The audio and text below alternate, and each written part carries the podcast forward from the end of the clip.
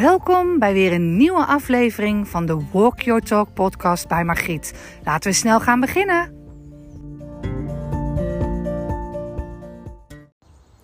Hey, wat fijn dat je er bent bij deze podcast nummer 2 van de Walk Your Talk bij Margriet.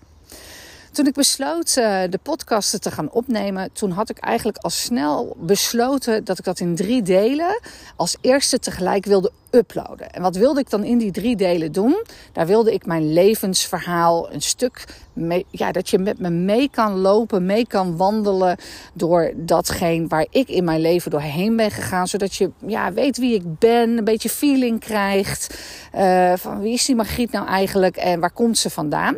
En door dit te delen in drie stukken denk ik dat je uh, globaal het meeste van mij weet. En van daaruit kan ik gewoon echt stukjes uit mijn leven en andermans leven en dingen die, de lessen die ik anderen teach, uh, meegeven.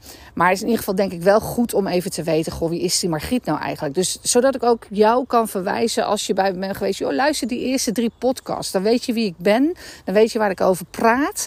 En dan, uh, ja, ik, ik weet zeker dat, dat als er bekenden van mij zijn die de podcast terugluisteren, zeggen, joh, dat zijn stukken die wist ik helemaal niet van jou. Of zo kende ik jou helemaal niet. En dat vind ik eigenlijk een heel mooi compliment. Um, Gisteren uh, zat ik podcast nummer 1 op te nemen in uh, een weiland. Uh, ik was s morgens vroeg voor zonsopkomst gaan lopen. En ik was van de weg afgegaan een weiland in. En ik zat daar echt in een prachtige omgeving.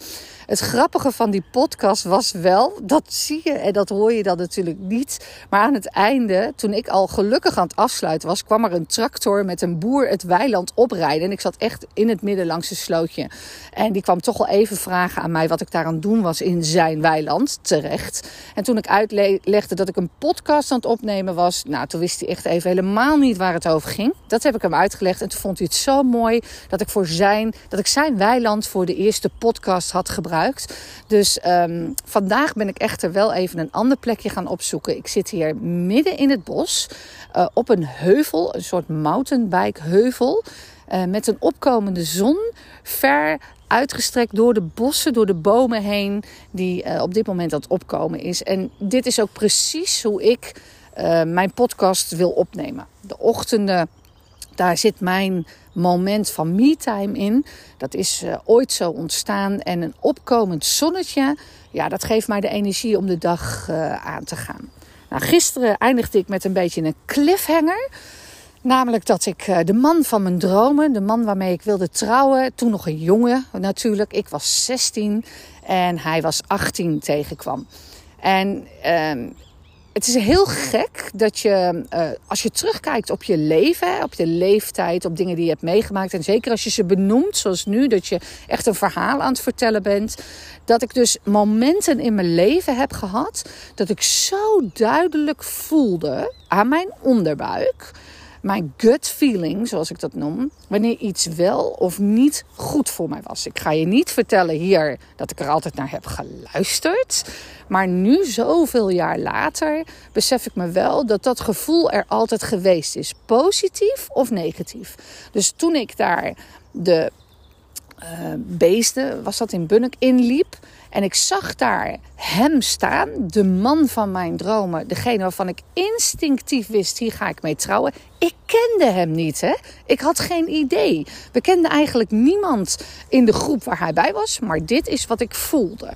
En als ik er nu op terugkijk, denk ik, ja, dat is inderdaad altijd hoe ik mijn leven heb geleefd. Ik voelde wanneer er een klik was, wanneer iets goed voor me was en niet dat ik er niet altijd naar heb geluisterd, zul je ook zeker later in deze podcast nog uh, horen. En dat zijn achteraf mijn allerbelangrijkste lessen geweest. Afijn, ik uh, ben de man, jongen van mijn droom tegengekomen. Ik was 16, hij was 18. En uh, ja, hoe het, hoe het leven loopt, hoe, hoe er geen toeval bestaat in mijn beleving, uh, kruiste ons pad wel meerdere keren dan dat. En is er heel langzaam iets moois tussen ons mogen ontstaan. Het was mijn allereerste echte vriendje. Want als ik uh, ja, je meegeef dat ik wel eerder vriendjes had gehad of verliefd was geweest, dat was niks vergeleken bij dit. Ik was ook nog hartstikke maagd. dus ja, weet je ik, ik wist wel een beetje dat dit degene was die daar een, een kleine verandering in zou brengen. En zo geschiedde. Wij kregen verkering. Hij had net zijn rijbewijs gehaald en nam mij overal mee naartoe. Kwam lekker graag bij mij thuis. Ja, ik woonde met mijn moeder op dat moment alleen. Mijn broertje woonde niet meer bij ons. Dus wij hebben een hele mooie tijd in die periode toch ook met mijn moeder gehad. dat betekende eigenlijk dat mijn moeder ehm, ja, weet je, als ik bijvoorbeeld. Eh, er, was, er waren twee dingen die ik me herinner ook aan mijn jeugd met mijn moeder. Behalve dat we op een gegeven moment. Uh, ja, dat ze een beetje een ander pad op ging. Maar wat wij ook hadden, was dat ik elke dag. Om, ja, volgens mij was dat toen smiddags om half vier of zo. Keken wij As the World Turns. As the World Turns was een soapserie waar echt alles in gebeurde wat je maar kan bedenken. Waarvan je hoopt dat het in je eigen leven nooit gebeurt. Maar gebeurde het allemaal in één uh, opname van 45 minuten. Maar dat was helemaal iets waar we allebei, dat namen we ook op. Dat keken we ook terug als we er niet samen konden zijn. Dat was echt ons ding van samen. En Oprah Winfrey. En daar is voor mij wel heel veel begonnen. Oprah Winfrey is natuurlijk een voorbeeld inmiddels voor, ja, weet ik veel, miljoenen mensen. Maar ik weet wel dat als meisje, ze was bij ons op de Nederlandse tv, ik mis haar echt nog gewoon in die dagelijkse zendtijd waarin wij eh, ja, door haar geïnspireerd worden op televisie. Uh, en er zijn gelukkig nu hele andere mogelijkheden om haar te zien, wat ik ook doe. Maar ik weet wel dat dat hele belangrijke momenten voor mij waren. Ik heb daar dingen geleerd, dingen gehoord die mijn horizon zo hebben verbreed. Waardoor ik zoveel meer open ging staan voor andere visie, andere denkwijze, andere ja, manier van kijken. Dat, dat eigenlijk op een gegeven moment als je dat gewoon veel kijkt, je ook niet meer zoveel vreemd. Ik keek wel tegen haar op. Niet in de zin zozeer als een role model of voorbeeld. Ik vind dat zij onwijs veel in haar leven heeft meegemaakt waar ik niet met haar had willen ruilen. Maar wel als een persoon die um, ergens gekomen was door, uh, ja, weet je, gewoon zichzelf te zijn. Toch redelijk authentiek, um, open ook wel. En uh, ja, dat, dat, dat was echt wel een dingetje wat we heel graag keken. Afijn, ik ben uh, op mijn achttiende gaan samenwonen. Het was een samenloop van omstandigheden. Mijn moeder had een partner en ging verhuizen naar Gorinchem. Uh, daar wilde ik absoluut niet mee naartoe. En wij kregen ons eerste huisje. Het was een uh, flatje, toen de tijd verhuurd door nog de AMEF, een verzekeringsmaatschappij. En wij kwamen daarvoor in aanmerking. En wij hebben met z'n tweeën, ik was 18, hij was 20, zijn we daar begonnen. En dat was zo'n cadeau om iets voor onszelf te hebben waar we, hoe jong ik ook was, hè, hoe jong ik ook was, dit voelde als zo'n cadeau om daar te mogen wonen. Vanaf het moment dat ik binnenstapte, we keken uit op het Amsterdamse Rijnkanaal, we hadden vrij uitzicht. Ik zeg wel eens, daar is mijn, mijn tramaland begonnen. Ik, ik ben gewend om vrij te leven, vrij uitzicht te hebben. En het enige wat voorbij kwamen waren boten. En, en die, die ronkten dan zo hard dat het glasservies in, in je kast stond te trillen, weet je wel. Maar het was onze eerste happy place. Het eerste stuk wat voor jezelf was. We hadden super lief van zijn opa en oma en ouders centjes gekregen om het lekker in te richten. Want wat heb je? We hadden best wel gespaard hoor, in, voor een uitzet. En daar zijn wij onze start begonnen. Wat daar de grote gift in geweest is, is dat wij kwamen te wonen naar de naast, naast de meest liefhebbende buren die ik uh, in mijn leven heb gehad. Het is een beetje een thema in mijn leven geworden. Ik heb echt overal waar ik gewoond heb onwijs lieve buren uh, gehad. En, en daar ook tot op heden nog steeds contact mee.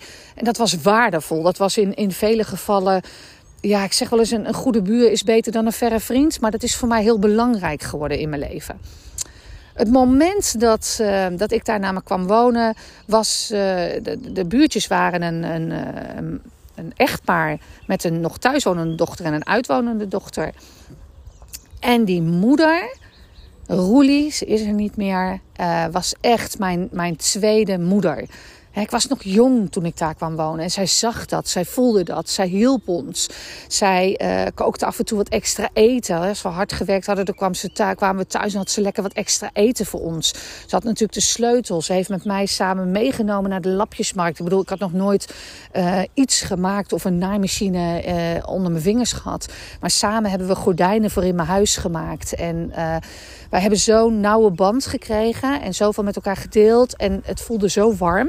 Dat, ja, daar, daar, heb ik echt mijn goede start in dit leven, wij moet ik eerlijk zeggen, gehad. En ja, nadat we daar een tijdje woonden, heeft, heeft mijn toenmalige vriend mij te huwelijk gevraagd. Nou, ik was hartstikke piepjong. En, en helemaal, oh, helemaal content. En ons leven liep gewoon zoals het liep. En ik dacht, ik word jongmoeder. En ik ga jong trouwen. En ja, weet je, alles, alles ging een beetje zoals het hoort. En zoals het ging. Dus ik ben, uh, ja, ik was net een paar weken twintig. Toen zijn wij getrouwd. En hij 22, dus hij was al heel jong. En iedereen dacht, nou ja, dan komen er ook heel snel kindjes. En dat gebeurde niet. Niet omdat we het niet aan het proberen waren. Dat waren we wel, maar... Uh, en ook niet omdat het niet lukte. Want uh, dan moet je de pil niet innemen. Die nam ik wel in. Er was een soort gevoel bij mij. Die dacht van, nou weet je, ik heb nog zoveel andere dingen eerst te doen. Achteraf ben ik daar ook heel dankbaar voor. Heel blij voor. Want dat heeft echt een uh, ja, mooie stappen in mijn leven gezet. We hebben met z'n tweeën uh, altijd veel vrijheid gehad. We gingen drie keer per jaar minimaal op vakantie. Uh, er was gewoon, uh, ja, gewoon centjes. We werkten hard voor ons geld. We hadden een autootje. we hadden allebei in één keer ons rijbewijs. Weet je, er was niet zo heel veel wat ons stopte of tegenhield. We hadden het samen niet altijd even makkelijk. Um, we, toch best wel uiteenlopende types. Maar bovenal, ik was head over heels verliefd en gelukkig. En ja, weet je, ik kan later achteraf alleen maar zeggen dat, um, ja, dat wij gewoon een, een, fantastische begintijd samen hebben gehad. En um, ja, na, na een paar jaar daar samenwonen, wilde ik toch wel terug naar Houten. Dat was heel apart, want we hadden het daar goed. Ik werkte in de, in de stad op dat moment. En uh, ja, we, we, zaten overal dichtbij, vrienden in de buurt. En toch was er iets dat, dat in mij dacht van... joh, ik zou het zo fijn vinden weer om Houten te wonen. En wat ik deed was af en toe gewoon even stiekem reageren op huisjes in Houten onder het uh, mom, dat krijg ik toch niet. Uh, maar er zat een soort gevoel onder in die buik van ja, maar dit wil ik wel heel, heel, heel erg graag. Dus wat ik ook zei in mijn hoofd, dat gevoel dat, dat bleef maar overheersen. En dat is eigenlijk ook wel een beetje de story of my life. Want als ik dat gevoel had, ondanks dat ik dan probeerde er van alles tegen in te gooien, dan lukte dat meestal ook wel. En zo ook hier, want wij kregen een eensgezinswoning in Houten toegewezen. Um, het viel heel bijzonder samen, want uh, Roelie ja, die werd ziek, heel ernstig ziek. Ik ben met haar naar vele ziekenhuizen bezoeken geweest, onze buurvrouw. En uiteindelijk uh, overleed zij. En hoorden wij daarna, echt, echt nou ja, een paar weken daarna, dat wij een huis hadden gekregen in Houten. Een eensgezinswoning waar we naartoe konden verhuizen. Dat is natuurlijk heel bijzonder, hè? want je verlaat iets, je laat letterlijk iets los uh, uit, uit dat stuk van je leven. En je gaat verder naar een nieuw stuk van je leven. Het voelde als een soort, ja, een soort opgroeien ook wel. Een beetje groot worden, loslaten van, van ja, toch weer een ouder in je leven. En hoeveel verdriet dat ook was. Uh, het moment was, was helemaal daar dat we die andere stap gingen maken. En vanaf dat we daar zijn gaan wonen, um, hebben we, uh, ja, we hadden op dat moment ook al een huisdier. Ik ben gek op dieren, maar helemaal op honden. Uh, ons eerste hond was een, een golden retriever. Uh, die, die mocht ook met me mee naar het werk. Ik was inmiddels ja, weet je, ik, ben, ik heb allerlei soorten werk gehad. Ik ben uh, in, de, in mijn jonge jaren echt zoekende geweest naar wat wil ik nou. Zo ben ik uh, volgens mij begonnen. Ja, ik ben echt begonnen op jonge leeftijd bij de Albert Heijn achter de kassa. Zo'n zo'n bijbaantje. En ik ben langzaam, uh, ja, toen, via een vriendin kwam ik in een sigarettenwinkel te werken. Uh, ik rookte zelf ook. Ik was uh, echt jong begonnen. Ik bedoel, in die tijd stonden de sigaretten ook uh, gewoon op tafel.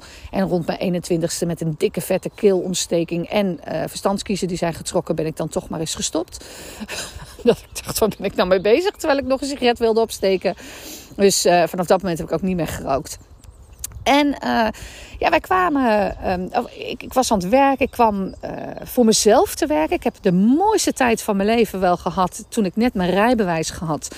En een leaseauto had uh, geleased. Omdat ik. Uh, ja, we hadden toen nog niet zelf een auto.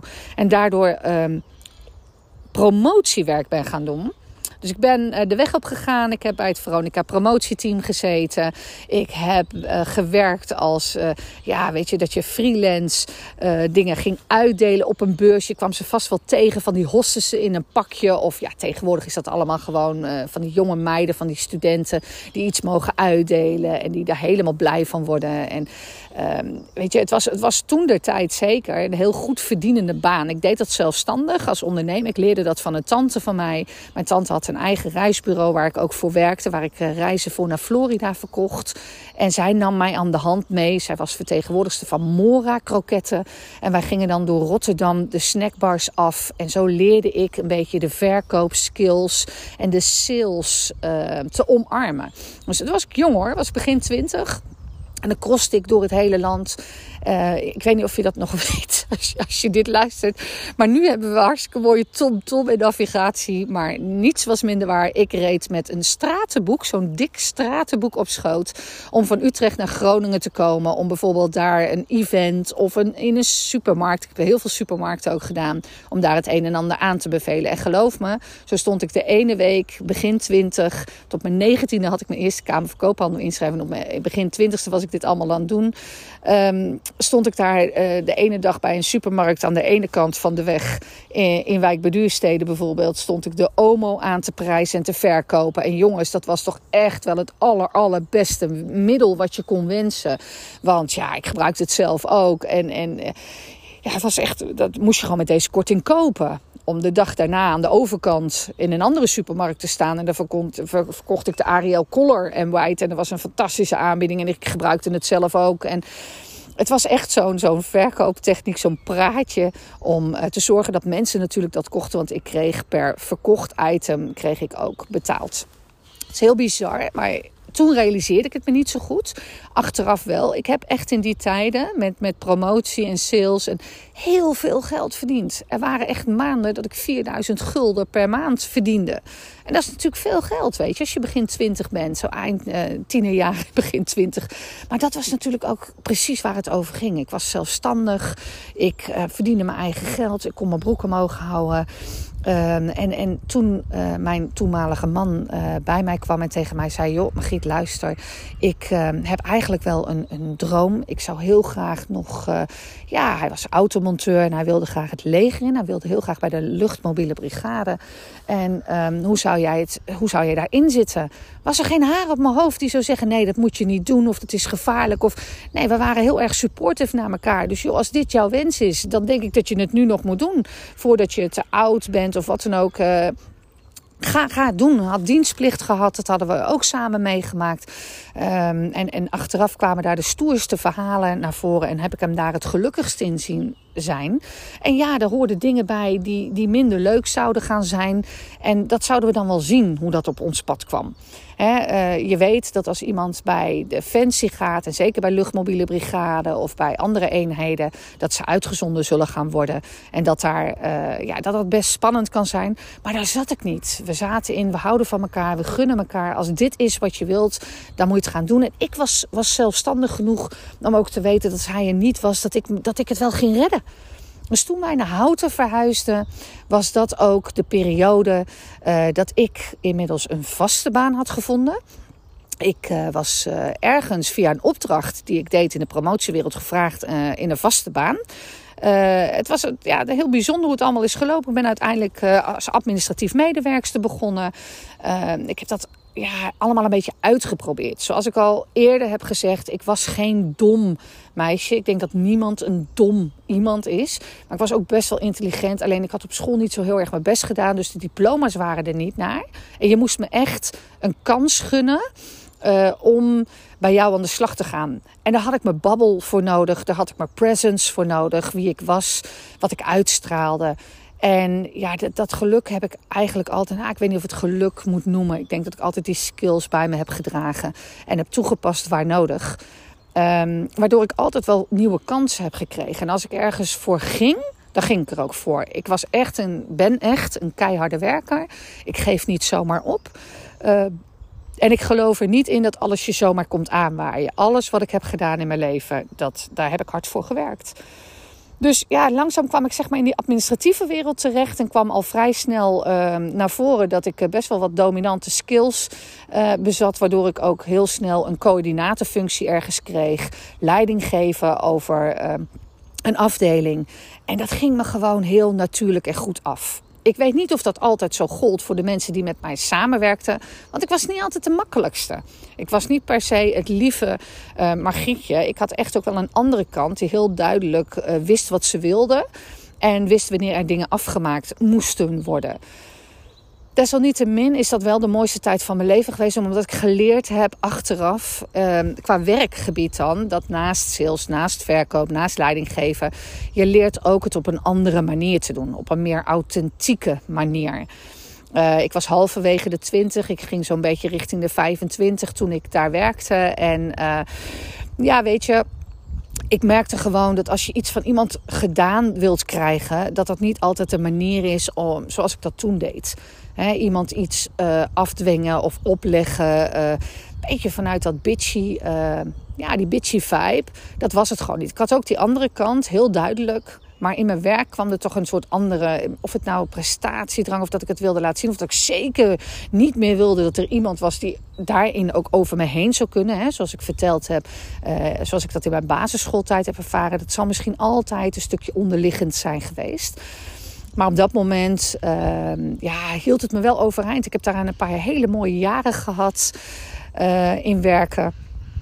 En uh, op mijn, ja, mijn, mijn, mijn toenmalige man, en ik zeg het steeds toenmalige man, ik uh, wil ook niet zijn naam vernoemen, maar omdat hij, dat, dat, dat is een onderdeel van mijn leven. Wij zijn ook uiteindelijk gescheiden. Maar die was dus bij Defensie gegaan. En die had hele toffe tijden voor zichzelf, maar ook tijden waarin we elkaar echt verschrikkelijk misten. Want hij ging op uitzending. En die uitzending, dat gebeurde toch al minimaal een half jaar. En dan zat je drie maanden in het buitenland en na die drie maanden kwam je thuis. Hmm, iets van drie weken. En dan weer drie maanden weg. En dat waren tijden waarin, waarin ik in een eensgezinswoning in Houten met mijn eigen baan 40 uur in de week werken. Um, en waarin hij een soort gevarengeld kreeg, omdat hij in Kosovo op uitzending was. Wij eigenlijk financieel het samen heel goed hadden. De premie die we kregen uh, voor zijn uitzendingen zetten we apart. Uh, was hij terug, gingen we lekker op vakantie. En um, ja, dat was, was uh, gemis was er. Maar er was ook eigen levensopbouwen. Het was een beetje die, die studententijd die velen hebben gehad, die ik niet had. Um, alleen dan op een andere manier. Hè. Het was niet feesten en studeren. Het was gewoon werken, thuiskomen, zorgen dat je huishouden op peil. Ik had wederom in Houten de allerliefste buren getroffen. Niet normaal, waar ik regelmatig kon aanschuiven voor een bordje.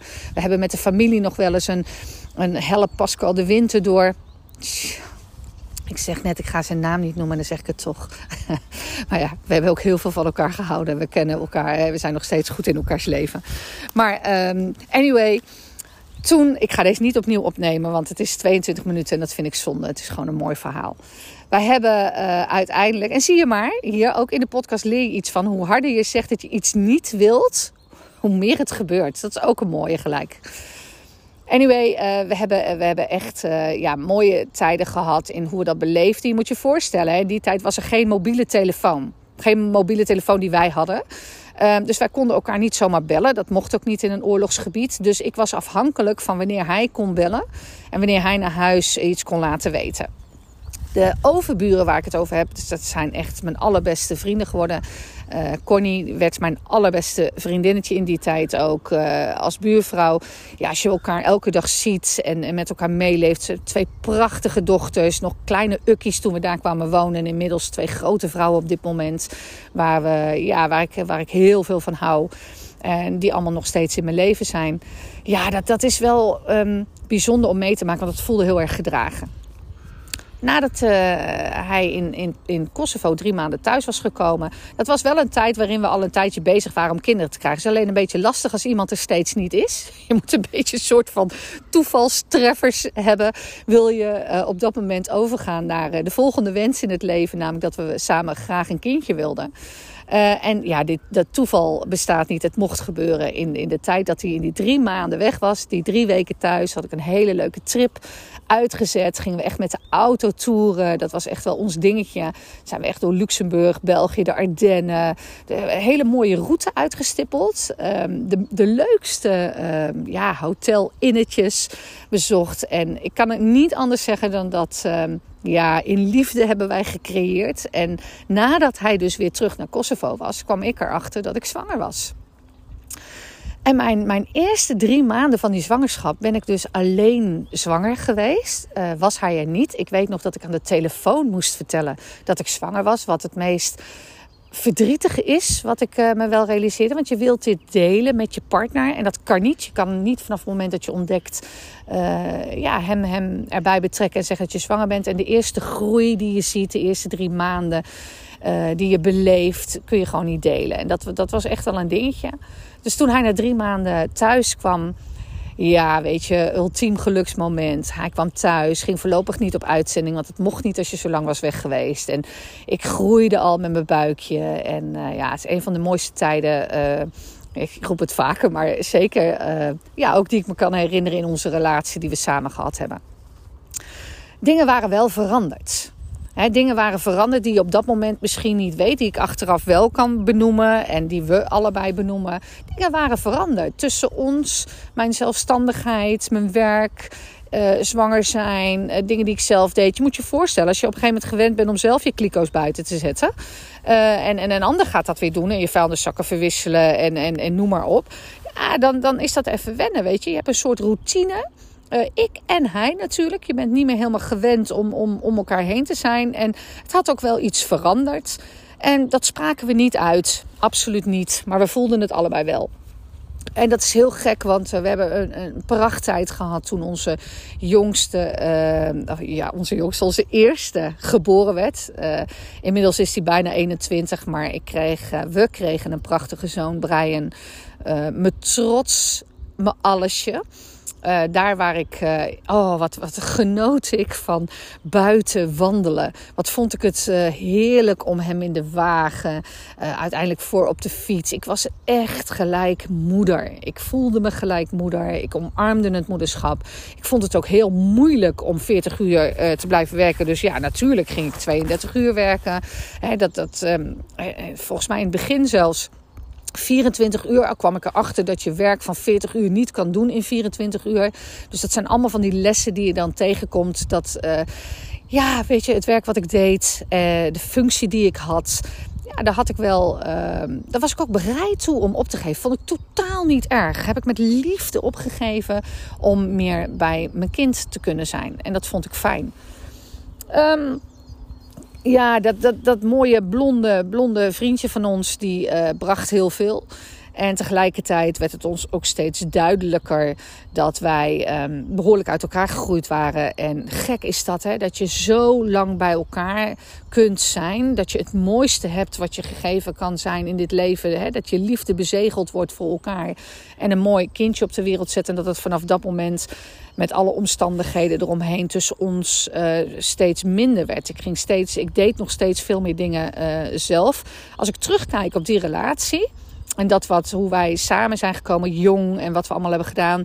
Dan besef ik me ook gewoon dat ik daar zelf een heel groot aandeel in had. Doordat ik zo zelfstandig geworden ben. En daar waar ik in het begin, ik weet niet of je dat herkent, maar vroeger dat je nog wel eens de schuld bij een ander neerlegt. En jij, en hè, je ging dan ruzie maken. Maar dat zei eigenlijk alles over mij. Dus ah, jij doet dit niet goed en jij moet luisteren. Oh, wat ben je toch een, vervelende hork. Of, en dat uh, kon over en weer gaan. Maar het moment dat je dat uitspreekt, is dat misschien wat je herkent van jezelf en wat je de ander kwalijk neemt. En mijn eigen zelfstandigheid. En dat wat ik wilde in het leven, dat, dat stond, die relatie stond me gewoon op een gegeven moment gigantisch in de weg. En het ging ook niet echt meer tussen ons. We hebben van alles geprobeerd. We hebben mega veel gepraat, gesprekken gehad, therapie gehad. En toch was ik niet doodongelukkig, hoe gek het ook klinkt. Hij was mijn, mijn dierbaarste persoon die ooit in mijn leven is gekomen, die ervoor gezorgd heeft dat ik een, een, nieuwe start in mijn leven kreeg. Al vrij jong weliswaar, maar daardoor ook heel jong zelfstandig werd. En ik ben hem tot op de dag van vandaag dankbaar voor de band en de relatie en de vrijheid die we gehad hebben. En, en ja, weet je, forever in his depth voor die ongelooflijk mooie zoon die we hebben. Wij zijn dan ook nog steeds bevriend. Anyway, uh, in, in de tijd dat, uh, dat Brian geboren werd en dat ik werkte, uh, was ik in, een, in een functie gekomen als directiesecretaresse. En daar werkte ik veel, daar werkte ik hard. Daar had ik een, een, een aantal uren waar ik altijd overheen ging. En het moment dat het, dat het niet zo goed loopt in je relatie, op het moment dat je eigenlijk niet meer zo blij bent met het werk wat je doet, of de uren die je draait, of het werk wat erbij is, en je spreekt dat niet uit, je blijft dat opkroppen, dan gebeurt er iets in je lichaam. Er gebeurt sowieso iets in je lichaam. Als je voelt dat je relatie niet meer goed zit, dan voel je dat misschien in je buik of in een samengeknepen keel, omdat je iets niet uitspreekt. Ehm, dat weet ik nu achteraf, maar dat heb ik zeker gevoeld. En op het moment dat je naar je werk gaat en je loopt bijna een beetje op je tenen. En je hoopt dat iedereen ziet hoe druk je het hebt. En, en dat niemand die het ziet omdat je je mond niet open doet. Dan ga je daar op een gegeven moment met tegenzin naartoe. En dan zit je jezelf zo gigantisch in de weg. Dan maak je het leven voor jezelf zo ingewikkeld moeilijk. Als je op een plek zit waar je voelt dat je niet hoort, maar niet durft uit te spreken. En daar zal nooit, maar dan ook nooit verandering zitten weet ik nu. Ik heb echt de dingen uh, ja, doorleefd en ondervonden door dingen mee te maken. En uh, die, ja, dan, dan ging je maar op je bek. En dan lukte het niet altijd. En daarna kwam er weer een soort van verandering in je leven. Zo gebeurde het dan ook dat ik uh, op een ochtend wakker werd. Moeder, mooie baan, leuk huis, geld genoeg, veel op vakantie voor de buitenwereld. Uh, you have it all. En ik werd wakker en ik wilde mijn bed uit. Mijn bed uitstappen. En ik uh, kon niet mijn bed uitkomen. Mijn lijf wilde niet meewerken. Mijn benen alsof ze verlamd waren. Mijn, mijn, mijn, mijn hele lijf moe. Zo ontzettend moe. Huilen. Ik kon niet meer. Ik was volledig, maar dan ook volledig opgebrand door mezelf, door mijn eigen gedachten, door door te gaan, door over grenzen te gaan, door niet te luisteren naar mezelf. En daar lag ik dan in bed en niet kunnen uitkomen. Ik was toen begin 30, begin 30, moeder van een klein hè, mannetje. En uh, het kon me allemaal even gestolen worden. Dit is een mooie cliffhanger om te stoppen met deze opname weer een deel uit mijn leven. En uh, kom zeker terug voor deel 3 van de podcast. Waarin ik je het, uh, het andere stuk, het laatste stuk van mijn levensverhaal zal delen. Heb een fijne dag.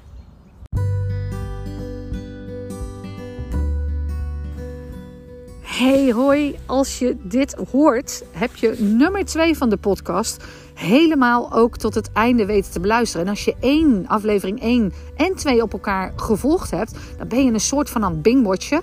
En dan heb je gewoon al een uur naar mij zitten luisteren. Wat een compliment. Dank je wel.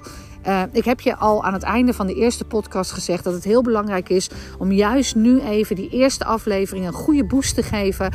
Abonneer, subscribe, like. Laat me weten wat je ervan vindt.